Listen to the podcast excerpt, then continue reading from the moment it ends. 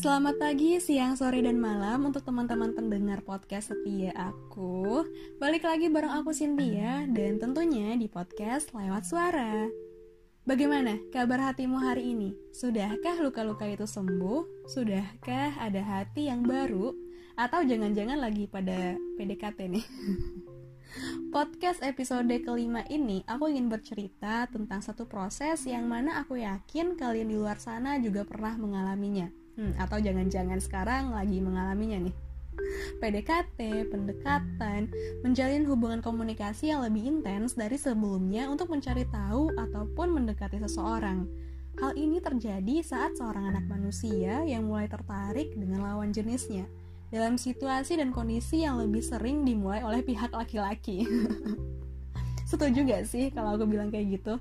Ya cewek-cewek yang ngedengerin podcast ini pasti pada setuju ya tapi untuk cowok-cowok ya pasti pada menolak gitu kan gini loh gini coba sedikit kita luruskan dan pikirkan bersama-sama cewek itu identik dengan istilah dan situasi menunggu Gengsi banget deh tuh bagi cewek untuk mulai menyatakan perasaan lebih dulu.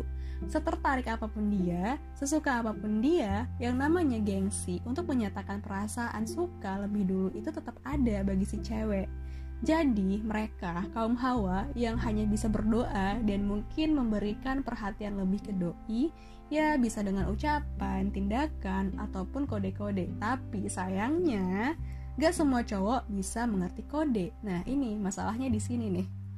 Dalam situasi yang lain, cowok itu identik dengan istilah memulai.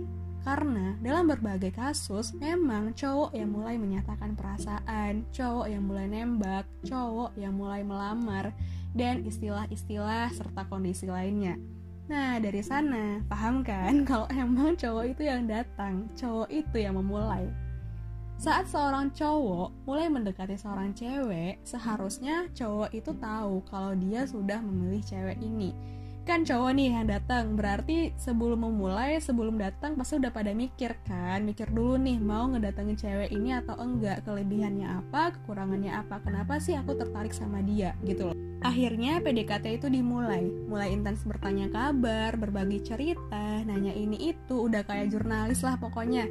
Begitu pula si cewek yang mulai menaruh rasa hingga harapan mulai bertanya-tanya si cowok ini kenapa ya? Kok dia makin deket? Kok kita makin intens berkabar, cerita banyak hal, berbagi tawa hingga tangisan.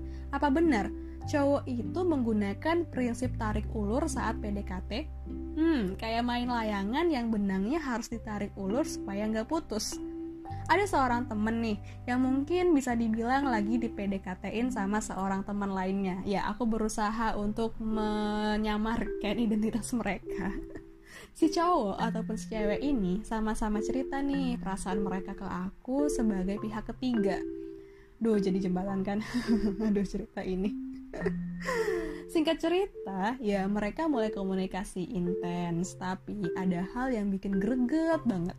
Si cowok ngakunya biasa aja nih, cuma mau temenan, temenan biasa doang. Tapi dari celetukannya dia, tindakannya dia menggambarkan kalau sebenarnya dia itu suka sama cewek ini. Tapi terkadang gemesnya itu si cowok mencoba untuk ignore hal itu, tidak mau mengakuinya.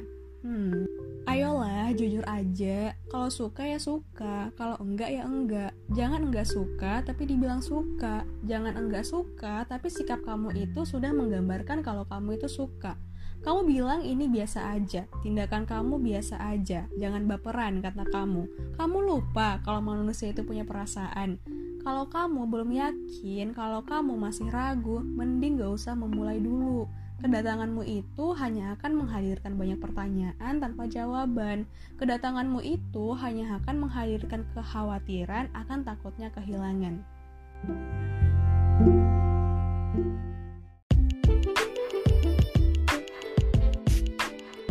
Mungkin itu dulu podcast singkat edisi hari ini. Cuma lagi gemes aja sama cerita curhatan cewek-cewek yang dibingungkan oleh cowok-cowok.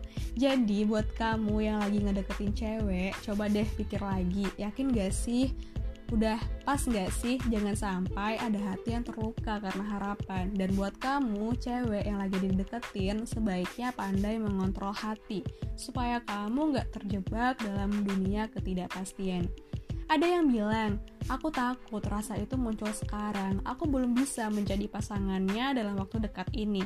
Ya udah, kalau gitu jangan dimulai dulu. Jangan sampai tindakan kamu itu membuat dia berharap kamu yang takut, kamu yang belum siap, atau sebenarnya kamu itu masih ragu dan mungkin mempertimbangkan orang lain.